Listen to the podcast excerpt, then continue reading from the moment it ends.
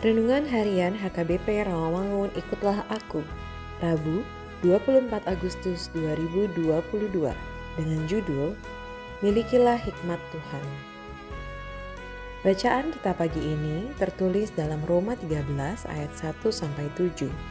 Bacaan kita malam ini tertulis dalam 3 Yohanes 1 ayat 1 sampai 15. Dan kebenaran firman Tuhan yang menjadi ayat renungan kita hari ini tertulis dalam 1 Korintus 2 ayat 16 yang berbunyi, Sebab siapakah yang mengetahui pikiran Tuhan sehingga ia dapat menasihati dia? Tetapi kami memiliki pikiran Kristus. Demikian firman Tuhan. Sahabat ikutlah aku yang dikasihi Tuhan Yesus. Awalnya memang tidak dapat kita pahami kenapa Allah menyuruh Nabi Hosea mengambil perempuan sundal menjadi istrinya. Ternyata tujuan Tuhan dengan tujuan manusia berbeda, di mana tujuan Tuhan untuk memperingatkan bangsa Israel agar bangsa itu sadar bahwa hidup mereka telah bersundal hebat di hadapan Allah. Ketaatan Nabi Hosea ini telah mengalahkan kepentingan pribadinya dan harga dirinya saat telah memperistri seorang perempuan sundal sekaligus memperanakan anak-anak sundal.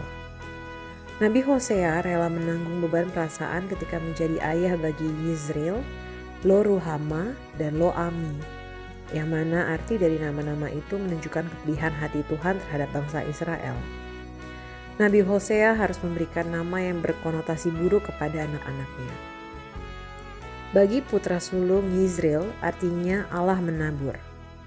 Hal ini bukanlah Allah mau menabur berkat, melainkan amarahnya kepada bangsa Israel karena dosa mereka. Sedang yang kedua, loruhama artinya tiada belas kasih. Apakah menjadikan Allah berhenti menyayangi umatnya? Tidak. Sebab setelah menghukum Israel, dia akan kembali mengasihi mereka meskipun mereka berulang kali melawan dan melakukan dosa di hadapan Allah. Sedangkan anak yang ketiga, Lo Ami, yang artinya bukan umatku. Apakah Allah telah melupakan bangsa Israel sebagai umat pilihannya? Semua ini dilakukan Allah agar umat pilihan itu mau bertobat kembali kepadanya. Untuk itu Allah juga memakai hidup kita untuk mengajak orang yang telah sesat jalan agar kembali kepadanya walaupun itu berat. Marilah kita memberi hidup kita dipakai oleh Tuhan. Amin. Marilah kita berdoa. Tuhan, pakailah kami menjadi alatmu untuk mencari dan memanggil yang hilang karena dosa. Amin.